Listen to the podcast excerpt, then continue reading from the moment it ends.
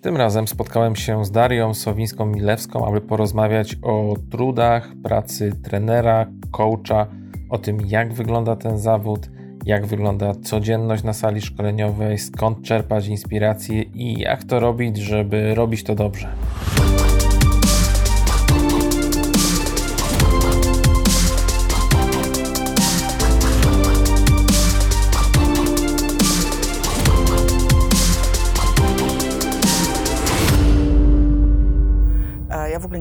Wiedziałam, że to jest coś, co lubię najbardziej, dopóki nie wystąpiłam w tej roli.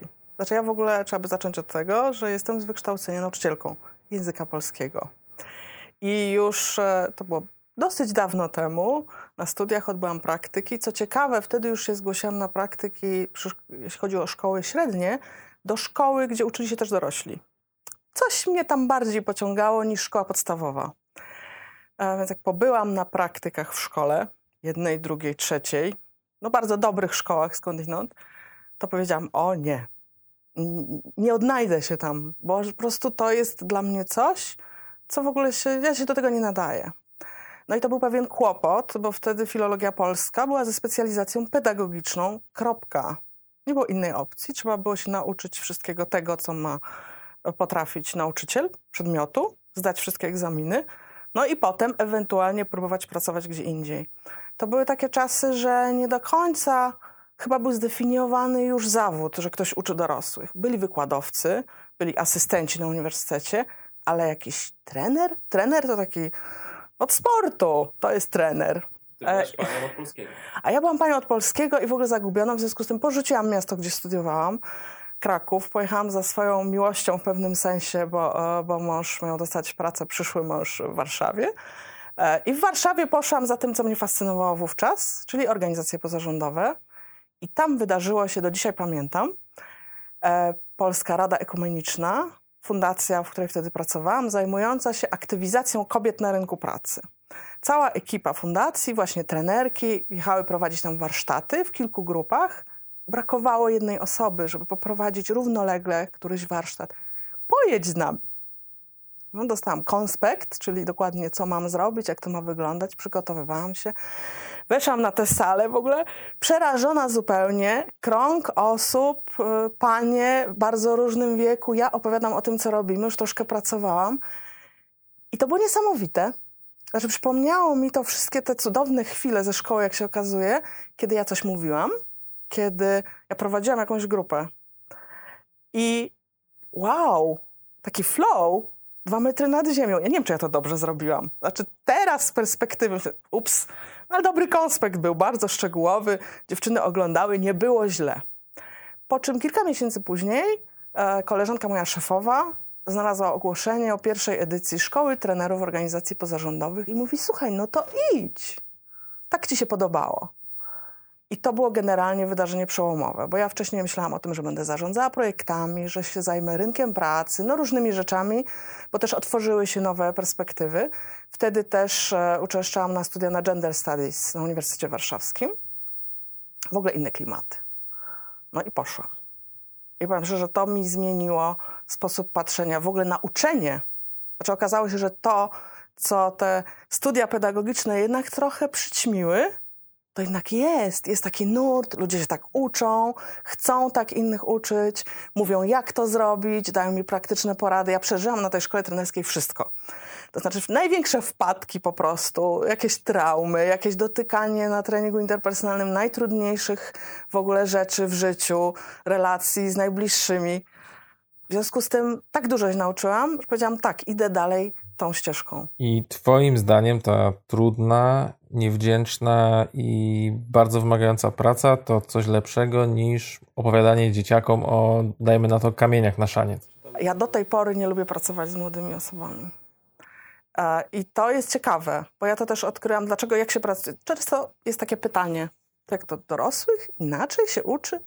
No inaczej. Dorosły przechodzi, zawsze mówię, z plecakiem. To nie jest człowiek, który nie wie i oczekuje, że ty objawisz wszystko. Nie, on na ciebie spojrzy krytycznie, on ci zada pytanie, ale on też spowoduje, że ja muszę dużo bardziej być czujna, dużo bardziej mieć aktualną wiedzę i dużo bardziej w ogóle odpowiadać na jego potrzeby. Bo inaczej to z tego całego procesu nic nie będzie. A z drugiej strony, jeżeli spełni się te warunki, to wchodzi się w tak cudowny obszar, gdzie właśnie ja się rozwijam, też ja uwielbiam się rozwijać przy grupach. Widzę, jak mi to daje, otwiera kolejne drzwi, e, ale też widzę, jak ludzie pozyskują różne rzeczy, wiedzą więcej, potrafią, zaczynają inaczej mówić. Czasem zmieniają się ich postawy bo jednak pracując w organizacjach pozarządowych, pracowałam też w takich projektach, gdzie mieliśmy takie szczytne cele, że jednak zmienić postrzeganie jakiejś grupy. No taka praca rzeczywiście trudna i a, nie mówię, że niemożliwa, ale to jest taka praca na pokolenia. Zresztą to widać cały czas, że to ciągle by trzeba robić takie rzeczy. No dobra, to porozmawiajmy trochę o koszmarach. Wyobraźmy sobie, że masz taki zły sen, wchodzisz do sali szkoleniowej, tym razem jako uczestnik, yy, obserwujesz cały ten proces i co może pójść nie tak. Masz takie doświadczenie wieloletnie, co może się posypać. Co może pójść od, źle w ogóle? Wszystko. To znowu na chwilę jeszcze sobie przypomnę e, pierwszą lekcję, którą prowadziłam. To była lekcja w szkole podstawowej, w szóstej klasie wówczas, e, z mojego ulubionego autora, Stanisław Lem. Wyszłam do sali, się potknęłam i zobaczyłam przerażenie w oczach e, moich koleżanek i kolegów, bo to studenci zawsze obserwują też, tak? Po czym jak już nabrałam powietrza, stanęłam, wszystko ok, to nagle wstało jedno dziecko i przymaszerowało do mnie z czymś. I nie wiadomo, co się dzieje. Tak, o co chodzi? Przyszło powiedzieć, coś się stało, trzeba uciekać, ma coś, trzeba zmienić konspekt. I dokładnie to wszystko się może zdarzyć. Znaczy od pierwszego kroku wręcz, tak, od tego, jak się wygląda, nawet, to może bardzo speszyć. Ja zawsze mam stres, wchodząc, tak czuję się niepewnie, wchodząc do nowej grupy, której nie znam i z której wiem, że dopiero się będziemy poznawać. Już bym chciała przekroczyć ten etap, pominąć, już być krok dalej, już być z nimi bliżej i już pracować, ale nie ma tak dobrze. Trzeba zacząć, trzeba wszystko powiedzieć, to co powinno być powiedziane na początku. Tak te wszystkie złote zasady, cel, powitanie, powiedzenie, kto. To, w jaki sposób się przedstawi trener, ma przecież bardzo duże znaczenie. Po pierwsze, zamodeluje, jak się przedstawią uczestnicy. Czy będziemy mówili o kotach, psach i zupie pomidorowej, czy będziemy mówili o osiągnięciach zawodowych. A w ogóle wyczucie, czy lepiej w te strony, czy w te, to można wyczuć, e, niektórzy trenerzy robią to, nie wiem, czy świadomie, czy nie, nawet wchodząc z takim czy innym żartem. Widzę, czy to działa. Czy ludzie są właśnie rozluźnieni, otwarci na taką luźniejszą atmosferę? Czy proszę mi tutaj konkrety? Bo to jest zupełnie inny typ grupy. Myślę też, że co może pójść nie tak. No właśnie, e, wracając do tego chłopca, który wtedy podszedł, a może są zupełnie inne oczekiwania. Może ludzie przyszli z czymś innym. Przyszli za karę? Przyszli, bo ktoś im kazał? I też to trzeba rozbroić. A to przecież w ogóle może być tak, że zaczynasz swój poranny wywód na sali szkoleniowej nagle ktoś podnosi rękę, wstaje i mówi: Wie pani co, bo myśmy to już mieli dwa miesiące temu i były podobne rzeczy omawiane, no i przechodziliśmy to w sumie. No i w sumie nikt z managementu nic później z tym nie zrobił, także w sumie to nie wiemy, czy to szkolenie do czegoś nam się przyda. O, to jest piękne. A już mieliśmy to ćwiczenie. Ćwiczenie zaplanowane na pół szkolenia potem będziemy omawiać, prawda, cykl kolba. Ale to znamy! Ups. E, ja mam takie doświadczenie z pracy akurat z kotrenerem, który z nienacka dostał migreny. Ja wtedy nie byłam dobrze przygotowana, no bo to część kolegi, tak? Nie było rozpisanego szczegółowo konspektu. I musiałam sobie poradzić w tej sytuacji, e, no jakby zrobić to szkolenie, no bo on to wtedy po prostu się odmeldował do pokoju i padł był kompletnie bez przytomności praktycznie. No to jest właśnie to. Ja mam e, zwykle w głowie coś takiego jak plan B. Znacie to ćwiczenie? To inne. Tak? To e, też to, czego mnie nauczyła szkoła trenerska, to mnie nauczyła tego, żeby się nie bać jakby mówić do ludzi wprost. Że no w takiej sytuacji to ja się na przykład muszę zastanowić, tak? To zróbmy chwilę. A może usiądźmy, porozmawiajmy, to co proponujecie? Co by było użyteczne? Jeżeli chcemy osiągnąć taki taki cel, Oczywiście najpierw trzeba wiedzieć, czy to jest też cel uczestników i uczestniczek tych osób na sali, czy też tego chcą, bo może chcą czegoś zupełnie innego. I tu jest pytanie, jakie ja mam możliwości manewru. Bywa różnie. Czasem ma się, no zrób tak, żeby potem lepiej robili prezentację, albo zrób tak, żeby poznali to narzędzie. Jak to zrobisz? Wszystko jedno. A czasem jest bardzo dokładnie, wręcz kiedy ma być przerwa i kiedy ma być jakieś ćwiczenie. I wtedy też warto o tym powiedzieć uczestnikom wprost. Takiej jesteśmy sytuacji. Takie są warunki tego kontraktu. E, ja nie bardzo chyba miałam takie doświadczenia, kiedy ktoś mnie tak mocno pilnował, chociaż nie. W projektach unijnych często się zdarzało, że kontrola wpadała z konspektem w ręce, więc trzeba było się tego konspektu trzymać, ale ja zwykle się trzymam konspektu. Tak nawet jeśli wymieniam ćwiczenia, to konspektu się trzymam i też w pracy, w parze to jest bardzo pomocne, bo też e, wiadomo, gdzie jesteśmy i już nigdy więcej sobie nie pozwoliłam na taki luz, że nie wiem dokładnie, co robi mój kotrener, czy kotrenerka, nawet jeżeli jest wiodącym, a ja tylko trzymam markery, bo nie wiadomo, co będzie. No, takie granie w parze to jest raczej yy, trudny temat. Wiem, że wiele osób tego nie lubi właśnie przez to, że przygotowywać trzeba się w zasadzie nawet bardziej niż gdybyśmy mieli dwa osobne wystąpienia, bo oprócz tego, co mamy do zrobienia, yy, to jeszcze musimy się odpowiednio ze sobą zsynchronizować, tak jakoś te role podzielić, żeby to było wszystko płynne, naturalne. Przydaje się troszkę takiej inteligencji scenicznej, takiego wyczucia tego, żeby drugiej osobie nie wchodzić w zdanie, ale też umieć w odpowiednim momencie interweniować. I wiele osób y, tego nie lubi, bo zdarza się y, w takich rolach podwójnych zaliczyć jakąś wpadkę po prostu. Zdarza się. No za chwilę prowadzę właśnie w parze. Zresztą z koleżanką, którą się bardzo dobrze znam, którą namówiłam na szkołę trenerską, ale mamy kompletnie inne style więc to też jest taki kłopot. Natomiast e, też pytamy siebie, chcesz coś dodać? Bo czasem jest tak, że e, szczególnie przy tych szkoleniach to jest akurat cykl szkoleń dla liderek organizacji pozarządowych, więc wychodzi bardzo wiele rzeczy. Ja pracuję w organizacjach pozarządowych na różnych też szczeblach zarządczych od 20 lat ponad. W związku z tym tej e, wiedzy, informacji, przykładów jest bardzo dużo. To jest raczej tak, co wybrać, co jest kluczowe dla tych osób tutaj. No i w trakcie, w trakcie tego, jak dyskutujemy o różnych tematach, wychodzą kolejne. I, e, no i wtedy właśnie zdążymy, nie, ale ja nie mam, tego się nauczyłam też w szkole trenerskiej, nie mam wtedy kłopotu, zastanówmy się to, albo zrobimy to, albo to, co wolicie. Tak, bo teraz nam wyszedł nowy temat. Uważamy, że ważny, że on budzi emocje, to skupmy się na tym chwilę, to będzie bardziej wartościowe. To jest w ogóle temat związany z tym, że ludzie teraz chcą wszystkiego bardzo szybko. Bardzo rzadko się zdarza takie długie szkolenie, właśnie mówię, dwa dni pełne w ośrodku, wyjeżdżamy, mamy wspólną kolację, mówimy o różnych ważnych kwestiach. Rzeczywiście dotykamy ważnych kwestii, dyskutujemy o tym. A częściej się zdarza to może w trzy godziny. I to jest jeszcze trudniejsze.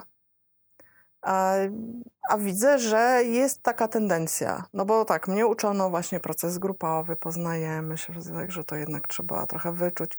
Kiedy? w trzy godziny. Trzeba wybrać już te rzeczy najbardziej istotne, takie, które będą nośne. W ogóle trzeba wiedzieć jeszcze więcej niż na dwudniowe szkolenie. Tak naprawdę im krótsze wystąpienie, jak mówisz o konferencjach, to jest dla mnie koszmar. Powiedzenie czegoś w 10 minut. To jest najtrudniejsze zadanie, jakie może być. E, ja zwykle przed szkoleniem ćwiczę przed lustrem. Przynajmniej początek, bo wtedy się nie skupiam na tym, co mam powiedzieć, tylko obserwuję. A tu już wiem, co mam powiedzieć, ten początek mówię po prostu przy konferencjach muszę ćwiczyć całą wypowiedź. W ogóle nie obserwuję, w ogóle nic nie widzę wtedy. I to jest dla mnie trudne przed dużym audytorium. Przy grupach nie mam aż takiego stresu, zupełnie inaczej to prowadzę. Natomiast e, tak jak do konferencji się bardzo muszę dobrze przygotować, podobnie do krótszych szkoleń. E, bo wtedy trzeba w ogóle wycisnąć te najważniejsze rzeczy, ale też pokazać, to jest ważne, a dalej szukajcie tutaj. Czyli Najczęściej jest tak, że przygotowuję jeszcze jakiś zasób typu folder, jakaś chmura z informacjami. Mówię, to tutaj dalej jeszcze można, bo nie zrobimy. Bądź też, co uważam, ostatnio uważam, że to jest w ogóle najlepsze rozwiązanie, żeby najpierw zachęcić ludzi, żeby już się czegoś dowiedzieli, potem wybrać jedną rzecz, taką, o której ja wiem, że najczęściej jest ten kłopot. Do projektów, na przykład gdy uczę pisania projektów, to wiem, no to zajmijmy się przez dwie godziny formułowaniem celu żeby on był smart. Bo to ciągle nie jest smart. Ja też oceniałam projekt, wiem, że to jest w ogóle jakaś magia. Zróbmy to, ale tak do podszewki. Rozprójmy wszystkie te szwy i zobaczmy. I przećwiczmy na 20 przykładach. I potem powiem, to przeczytajcie ten rozdział z tej książki, ten z tej. Harmonogram, inne rzeczy dacie radę. Z finansów będzie oddzielne 3 godziny, A tu wiem, że każdy wyjdzie z tym, że obudzony w nocy będzie wiedział, jak to sformułować. No to jest ból w tej chwili chyba taki niejednego coacha czy trenera, że nastąpiły takie czasy takiej powszechnej atomizacji, że coraz częściej klienci mówią, dobrze, bierzemy to, ale to, żeby się pani zmieściła w 3 godziny albo w 90 minut i wtedy taki dylemat następuje, jak to, co wymaga przeprocesowania przez dłuższy czas, możemy podać w krótszej formie, mm, jak to w ogóle zmienić, jak to sformatować inaczej, czy w ogóle podejmować takie wyzwania. Ale to zależy, kim ja chcę być, bo trener jest też aktorem. Chodzi, no gra kogoś, tak? Jak ja obserwuję trener matko, wszystko widać, tak? Jaki ma się zegarek, jakie się buty założyło. No jest, I wszyscy mnie pamiętają, bo ja siedzę tutaj na środku, jednak jestem jakoś w centrum, więc tak łechcę ego. To też prowokuje, żeby być kimś takim, no ja tutaj, wow, tak się pokażę, dobrze się poczuję, tylko że to jest wtedy mój cel. A jakie są cele uczestników, albo co mają zyskać po tym, że ja przyjdę i to opowiem, że ktoś zrobił efekt wow. Ja zwykle się skupiam na tym, żeby wyszli z pewnym konkretem, czyli rzeczywiście coś im się zmieni czegoś się dowiedzą tak już na trwale, że to się wpisze, a tak to robimy, tak do tego trzeba podejść, a tak nigdy tego nie robić. Więc to, to jeszcze to jest. Ja znam takich trenerów, no, osoby, które występują w roli trenera, które wręcz mówią z dumą, że ja to żadnej szkoły nie kończyłem. E, I mówią bardzo ciekawie, bo to jest też kwestia talentu. Ktoś ma po prostu talent do ciekawego mówienia w dodatku jeszcze, jeśli to mężczyzna, a częściej, ja w ogóle mówców obserwuję, to jest dla mnie fascynujące, wychodzi, jest ciekawy, wszyscy, wow, jak fajnie powiedział, ile przykładów. Tylko, że za tydzień to nie wiadomo, ile z tego zostanie jakby praktycznych umiejętności. Ale wow, był. Czy kolejne zlecenia będą, no to po co mi szkoła trenerska? No, tak, no nie, ale też czasem bardzo miło pójść na taki wykład i posłuchać. Natomiast już trudniej E, pewnie e, takim osobom przeprowadzić dłuższy proces. To znaczy, gdzieś coś się może zacząć nie układać i nie wiadomo dlaczego. Mhm. Tak, Bo wtedy trzeba się przyglądać temu, czy właśnie, czy były te oczekiwania, czy był ten początek. No, ja strasznie lubię, jak ktoś wpada i w ogóle nie pyta, czego chcemy. To w którymś artykule napisałam, bo rzeczywiście byłam na takim szkoleniu. Miałam, miałam e, bardzo duże oczekiwania. Firma bardzo znana mam szansę za pieniądze w ogóle sponsora pójść na takie szkolenie, więc idę po prostu, czego to ja się nie nauczę. I dostałam właśnie tak, począwszy od tego, że trener się nie przedstawia, tylko rozdaje materiał, gdzie owszem jest jego nazwisko, ale może by coś powiedział. No ja bym chciała. Ja lubię tak bliżej, empatycznie. Grupa jest niewielka, po czym wyciąga nas na środek. Bardzo szybko przechodzimy do ćwiczeń. Nie czułam się bezpiecznie w ogóle się nie czułam bezpiecznie. Ja bardzo lubię się czuć bezpiecznie, bo wtedy lepiej myślę, bardziej kreatywnie, wpadam na dużo więcej pomysłów i wchodzę w różne relacje, które mnie inspirują. W związku z tym moim celem ważnym na każde szkolenie jest, żeby osoby czuły się bezpiecznie, żeby nie bały się powiedzieć też o różnych trudnych sprawach, żeby też otwierały się na nowe rzeczy, żeby próbowały. I znam też takich trenerów i trenerki, którzy rzeczywiście tak robią. I ja chętnie tam pójdę, nie wiem, na szkolenie z dramy, takie, gdzie będę występować, chociaż po prostu już mi się słabo robi. Jak to? W ogóle wyjdę, będę grać drzewo? Niemożliwe.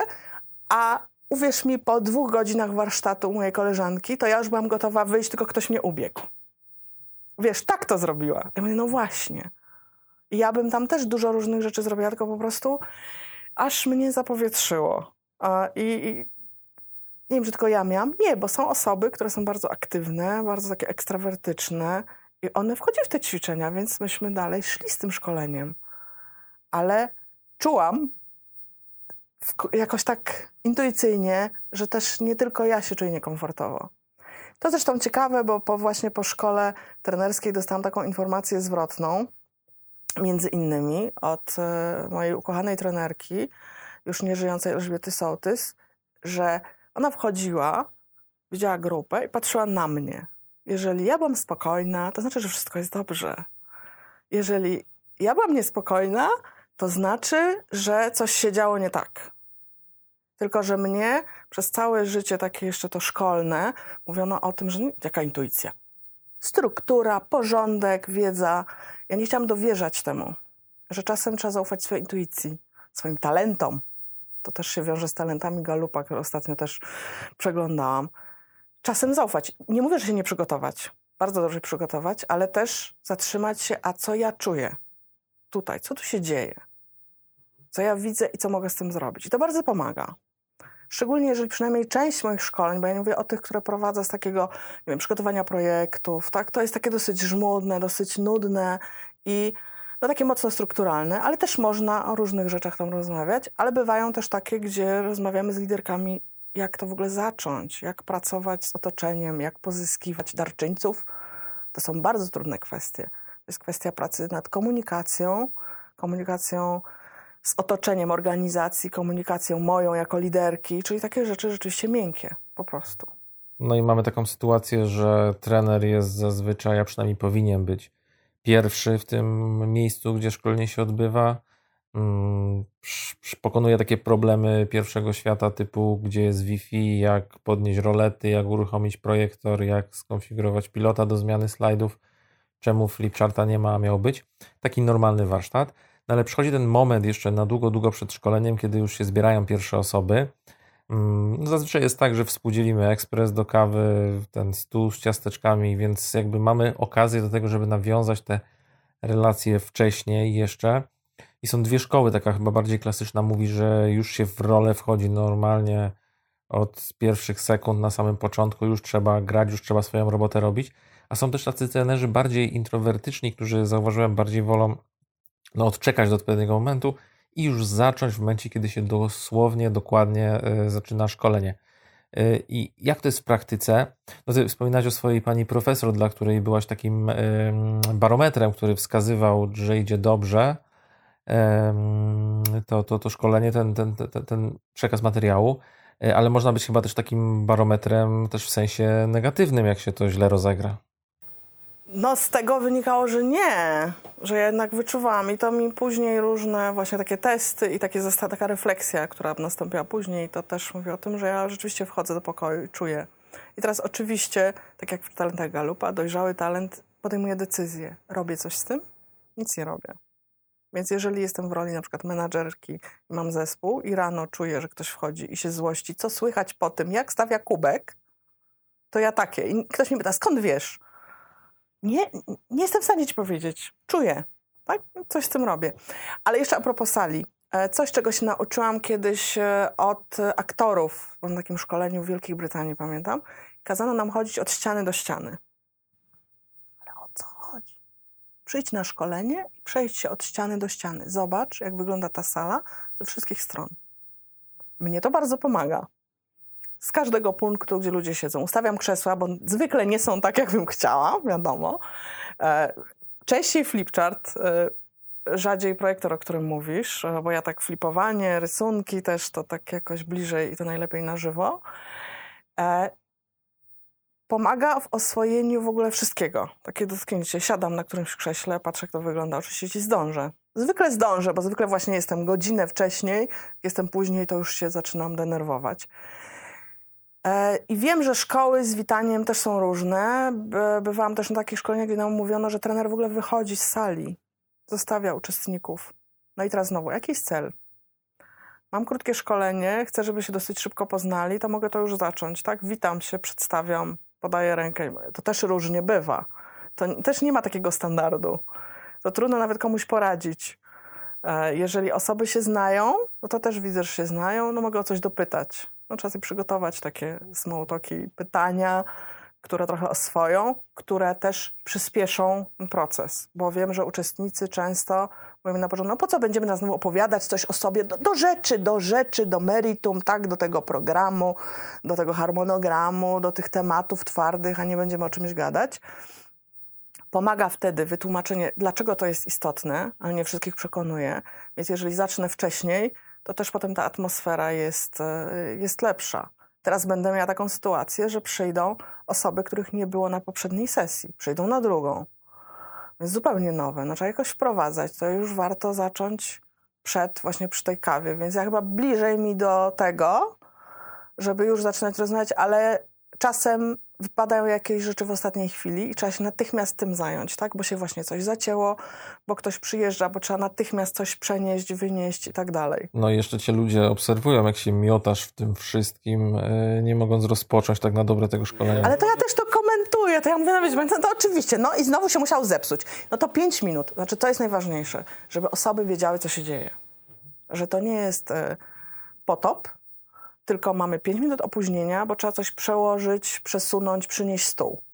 No i umiejętność zagonienia ich z powrotem do sali spod ekspresu z kawą, czy to nawet nie w takiej sytuacji awaryjnej, ale w ogóle na samym początku, czy w jakiejś kluczowej przerwie, to w ogóle pokazuje, jaką wartość ma też to szkolenie dla nich. Jeśli wracają, bo to jest coś takiego, to właśnie moja mentorka, jak powiedziałeś, mówiła zawsze, jeżeli ludzie nie wracają po przerwie, tylko tam płynie życie grupy poza salą, no to się zastanów, co robisz. Albo jaka jest jakaś inna potrzeba. Można też o to zapytać. Bo to nie chodzi o jedną osobę, która po prostu jakby oporuje. No to już bardzo dużo jest tematów, które się mogą pojawić, ale jeżeli tak globalnie. Albo czegoś było za mało. Albo przerwa. Miałam kiedyś taką sytuację, kiedy pracowałam na konspekcie takim właśnie żelaznym. To był konspekt brytyjski. Wszystko tak się musiało. Tutaj superwizorka, prawda? I była grupa, która rozmawiała bardzo długo. No, czas. No to jak to? Koniec, koniec. Wręcz uczestniczki na mnie nakrzyczały. Dlaczego ja im przerywam? One dotknęły tak ważnych tematów teraz. No i też weźmy jeszcze e, pod rozwagę to, co my oferujemy naszym odbiorcom, no bo to jest tak, że często, e, sama też wspominałaś, często jest tak, że gra się z jakiegoś bardzo zamkniętego, dopracowanego co do przecinka scenariusza. I to no, dla mnie jest troszkę sztuczną sytuacją. Ja nie jestem zawodowym trenerem. Prowadzę szkolenia zgodnie z ogólnie przyjętymi metodami, znam warsztat i powiem szczerze, z jednej strony rozumiem te wymagania takie dydaktyczne, ale z drugiej strony, no, zawsze gdy widzę taką sytuację, gdzie jest bardzo precyzyjnie napisany scenariusz jednak przez kogoś innego, to nie czuję się jak ekspert w swojej dziedzinie, tylko jak jakiś aktor, a aktor ma to do siebie, że y, ma zawsze na scenie czy na planie filmowym reżysera, który go prowadzi. Tutaj ja dostaję nie swój tekst, mm, nie swoje myśli i mam to jakoś z tego zrobić jakiś, jakiś, jakiś czary mary. To jest dla mnie bardzo, bardzo y, trudna i niekomfortowa sytuacja. Z drugiej strony rozumiem tych klientów, którzy wymagają aby no, proces był przeprowadzony zgodnie z jakąś metodą, której ufają, nawet jeżeli gdzieś nie wchodzą w jakieś szczegóły i meandry tego, czy to ma sens takie podejście, czy nie ma? A, kilka myśli mam w związku z tym. Znaczy rzeczywiście skrypt tak yy, i to jest strasznie ważne, że sobie przygotować, czasować, jak to się mówi, tak? Ile to będzie faktycznie trwało. Ja mam zawsze plan A i plan B bo są grupy, które nagle dużo szybciej coś zrobią, albo ja niezbyt trafnie zadam pytanie i coś zajmie dużo mniej czasu i nie dojdziemy, bo to jeszcze nie pora, bo się pospieszyłam z czymś, więc mam zawsze więcej jeszcze innych. Też pytam grupę, jaką mają potrzebę, jakby nie boję, bo to, to jest w ogóle dla wielu trenerów i dla mnie na początku to też było barierą, że jak to ja mam, ja tutaj rządzę, ja mam pytać, a jakby tylko to buduje taką relację, o którą mi chodzi. Także ja oczywiście tworzę sytuacje edukacyjne, podpowiadam, dzielę się tym wszystkim, co zgromadziłam, ale równocześnie też otrzymuję. I to jest y, szalenie cenne. E, myślę, że trenerom, którzy no właśnie są ekspertami w swojej dziedzinie, bo to najlepiej być praktykiem, tak? Jeśli ja piszę od lat te projekty, oceniam, formatuję, kolejne widzę, rozliczam, to jest mi dużo łatwiej, trudniej, ale generalnie łatwiej prowadzić szkolenie, bo ja w trakcie mogę zmienić, bo mam takie zasoby. Natomiast jeżeli zaczynam, tak jak ty mówisz, w jakimś temacie, no często się zaczyna w nowym temacie, tak? Raczkuje gdzieś, czyta dopiero te pierwsze 5-10 książek, idzie na pierwsze szkolenie, drugie, a potem dopiero, no to może coś poprowadzę z tego. To wtedy mm, mam poczucie, że częściej trzymam się tego skryptu, boję się odejść, bo, bo tam nie mam dosyć wiedzy. A mam już takie przekonanie, że najgorsze, co może być, jeśli powiem coś, co nie jest potwierdzone, co nie jest zgodne z prawdą, z wiedzą. Tak? Bo w Google'ach to sobie każdy może sprawdzić, tak? ale no, ja biorę za to odpowiedzialność, co powiedziałam. Do tego stopnia, że e, też nie mam poru, żeby powiedzieć, to sprawdzę, tak? W trakcie przerwy zadzwonię. Czasem mi się zdarzało dzwonić do kogoś bardziej doświadczonego. Słuchaj, jak to jest z tym tematem, z tą linią budżetową, czy z czymkolwiek? Nie mam takich ambicji, żeby być alfą i omegą. Jakby nie taka jest moja rola. Ja się ustawiam jako osoby, która wspiera dorosłych w ich rozwoju. W tym, co chcą osiągnąć. I wiem, co może pomagać. Robię to trochę e, biorąc pod uwagę to, co mnie pomaga. Uwielbiam chodzić na szkolenia, strasznie się stresuję w imieniu trenera, w imieniu grupy. W ogóle jakoś taka jestem zmęczona, jakbym sama prowadziła. Tylko czasem, jak jest jakaś taka trudniejsza sytuacja, mówię, jak to dobrze, że jestem po tej drugiej stronie i nie muszę być cały czas w tym napięciu. Dlaczego szkolenia męczą? Dlatego, że ja muszę nadążać ze wszystkimi uczestnikami. A wszyscy patrzą na ciebie. Ja jestem czujna na wszystkie osoby.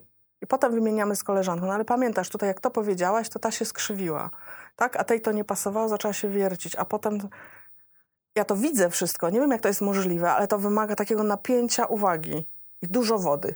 O tego się też nauczyłam. Generalnie nie, nie kawa, nie kawa, tylko wyspanie i woda. Po prostu mało jeść, za to rzeczywiście e, się napoić, bo to też wpływa na jasność myśli.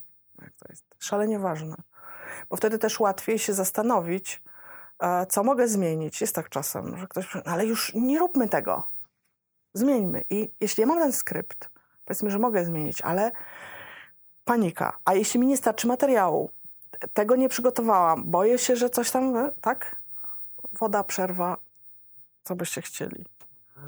I też sojusznicy w, w grupie jednak.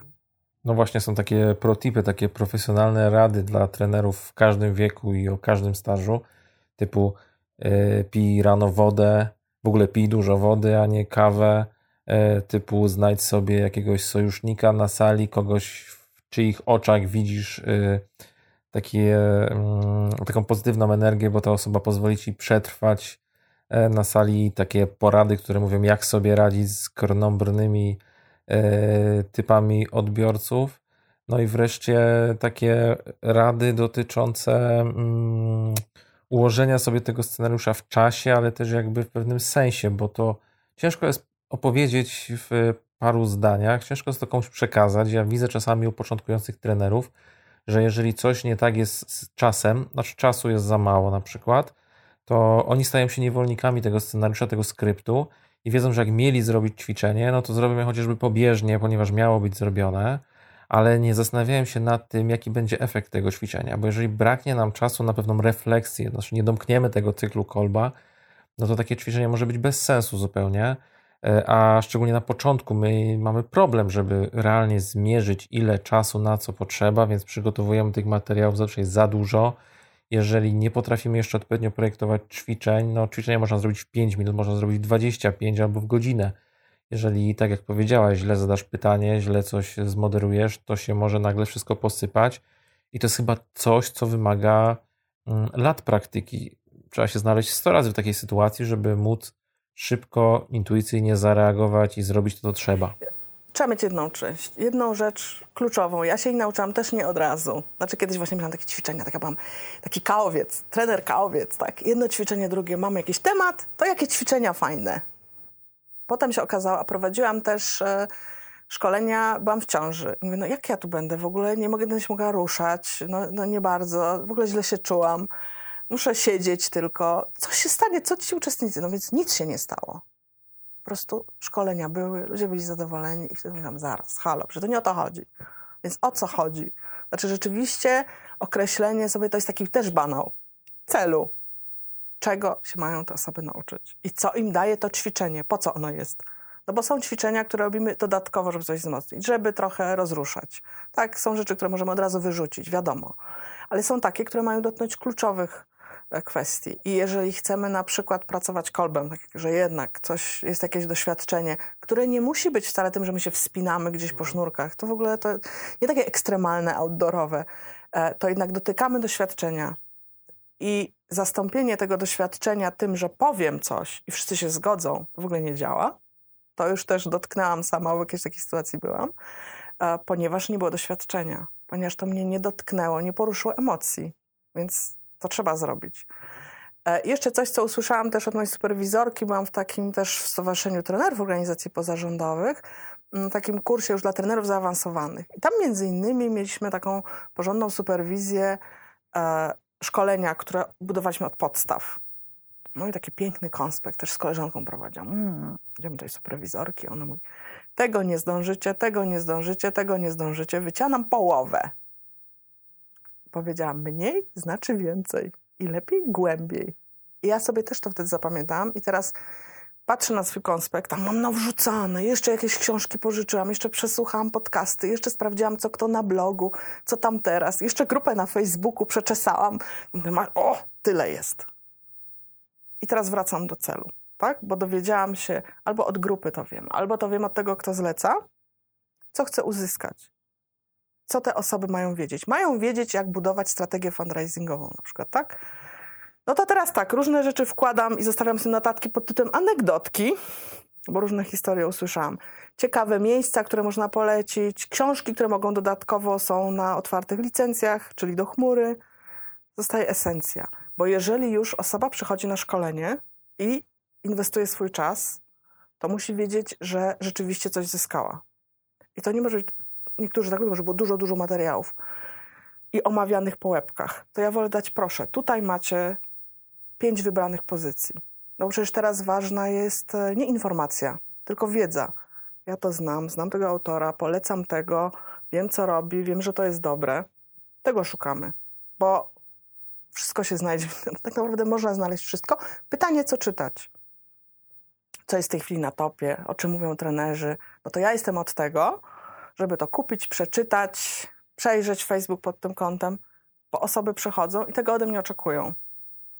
Plus, żeby zapamiętały tych, te konkretne rzeczy. I to musi być bardzo spójne z celem.